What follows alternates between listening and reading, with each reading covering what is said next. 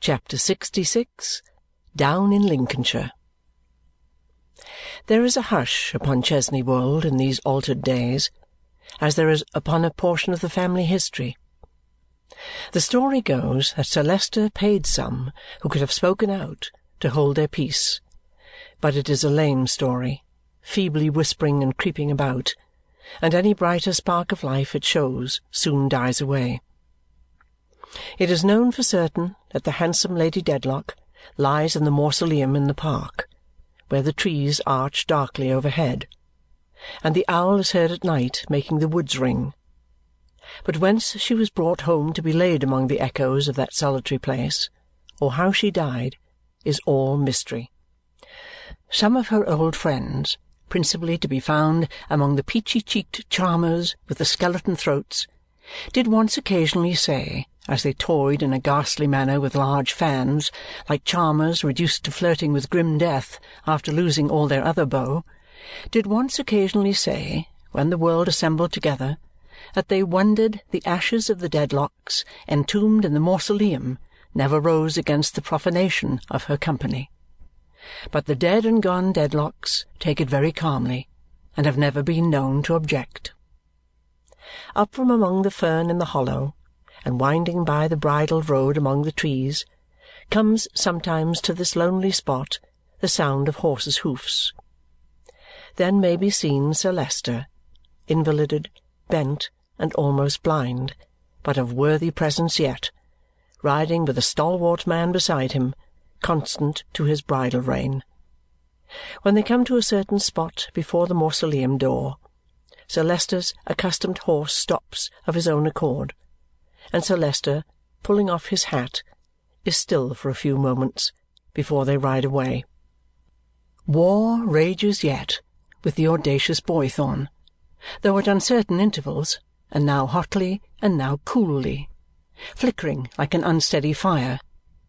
The truth is said to be that when Sir Leicester came down to Lincolnshire for good, Mr. Boythorn showed a manifest desire to abandon his right of way and do whatever Sir Leicester would, which Sir Leicester, conceiving to be a condescension to his illness or misfortune, took in such high dudgeon and was so magnificently aggrieved by that Mr. Boythorn found himself under the necessity of committing a flagrant trespass to restore his neighbour to himself. Similarly, Mr. Boythorn continues to post tremendous placards on the disputed thoroughfare, and, with his bird upon his head, to hold forth vehemently against Sir Leicester in the sanctuary of his own home Similarly also he defies him, as of old, in the little church, by testifying a bland unconsciousness of his existence. But it is whispered that when he is most ferocious towards his old foe, he is really most considerate,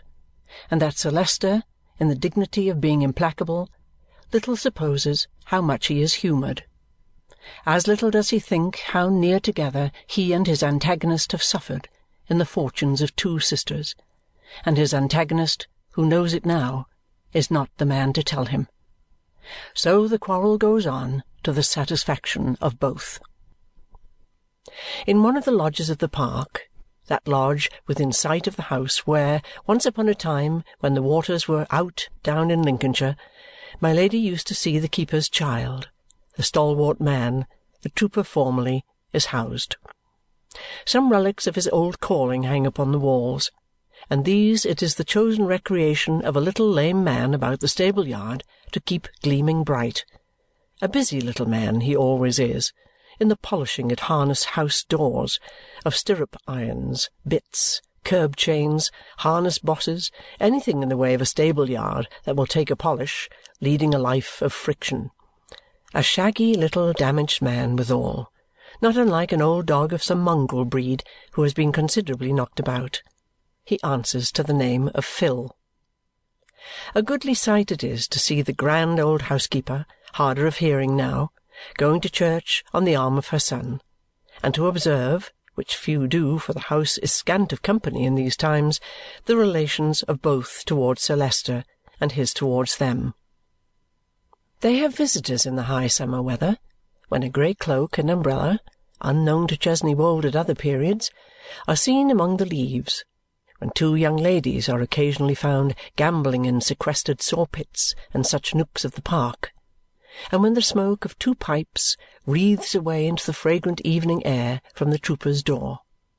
Then is a fife heard trolling within the lodge on the inspiring topic of the British Grenadiers, and as the evening closes in, a gruff, inflexible voice is heard to say, while two men pace together up and down, "But I never owned to it before the old girl. Discipline must be maintained." The greater part of the house is shut up, and it is a show house no longer. Yet Sir Leicester holds his shrunken state in the long drawing-room for all that, and reposes in his old place before my Lady's picture. Closed in by night with broad screens, and illumined only in that part, the light of the drawing-room seems gradually contracting and dwindling until it shall be no more. A little more, in truth, and it will be all extinguished for Sir Leicester, and the damp door in the mausoleum which shuts so tight and looks so obdurate, will have opened and received him. Volumnia, growing with the flight of time pinker as to the red in her face and yellower as to the white, reads to Sir Leicester in the long evenings and is driven to various artifices to conceal her yawns, of which the chief and most efficacious is the insertion of the pearl necklace between her rosy lips. Long-winded treatises on the Buffy and Boodle question, showing how Buffy is immaculate and Boodle villainous, and how the country is lost by being all Boodle and no Buffy, or saved by being all Buffy and no Boodle it must be one of the two and cannot be anything else, are the staple of her reading. Sir Leicester is not particular what it is and does not appear to follow it very closely. Further than that, he always comes broad awake the moment Volumnia ventures to leave off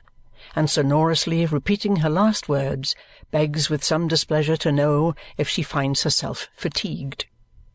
However, Volumnia, in the course of her bird-like hopping about and pecking at papers, has alighted on a memorandum concerning herself in the event of anything happening to her kinsman, which is handsome compensation for an extensive course of reading and holds even the dragon boredom at bay. The cousins generally are rather shy of Chesney Wold in its dullness, but take to it a little in the shooting season, when guns are heard in the plantations, and a few scattered beaters and keepers wait at the old places of appointment for low-spirited twos and threes of cousins. The debilitated cousin, more debilitated by the dreariness of the place, gets into a fearful state of depression, groaning under penitential sofa-pillows in his gunless hours and protesting that such fernal old jails nuff to so far up for ever. The only great occasions for Volumnia in this changed aspect of the place in Lincolnshire are those occasions, rare and widely separated, when something is to be done for the county or the country in the way of gracing a public ball. Then, indeed, does the tuckered sylph come out in fairy form and proceed with joy under cousinly escort to the exhausted old assembly room, fourteen heavy miles off, which, during three hundred and sixty-four days and nights of every ordinary year, is a kind of antipodean lumber-room full of old chairs and tables upside down. Then, indeed, does she captivate all hearts by her condescension by her girlish vivacity, and by her skipping about as in the days when the hideous old general with a mouth too full of teeth had not cut one of them at two guineas each. Then does she twirl and twine, a pastoral nymph of good family, through the mazes of the dance. Then do the swains appear with tea, with lemonade, with sandwiches, with homage. Then is she kind and cruel, stately and unassuming, various, beautifully wilful. Then is there a singular kind of parallel between her and the little glass chandeliers of another age embellishing that assembly-room, which, with their meagre stems, their spare little drops, their disappointing knobs where no drops are, their bare little stalks from which knobs and drops have both departed, and their little feeble prismatic twinkling, all seem Volumnia's.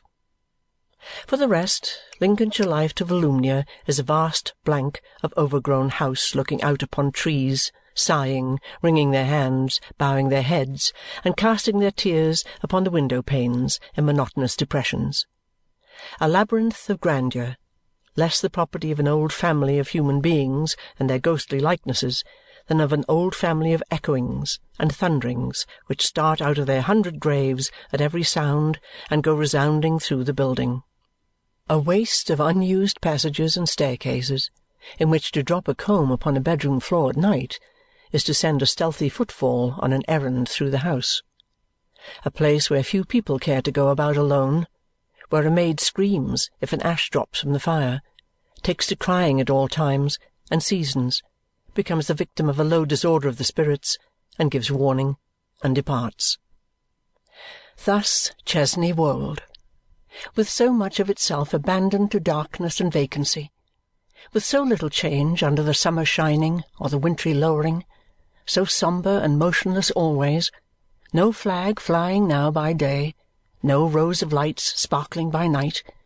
with no family to come and go, no visitors to be the souls of pale cold shapes of rooms, no stir of life about it.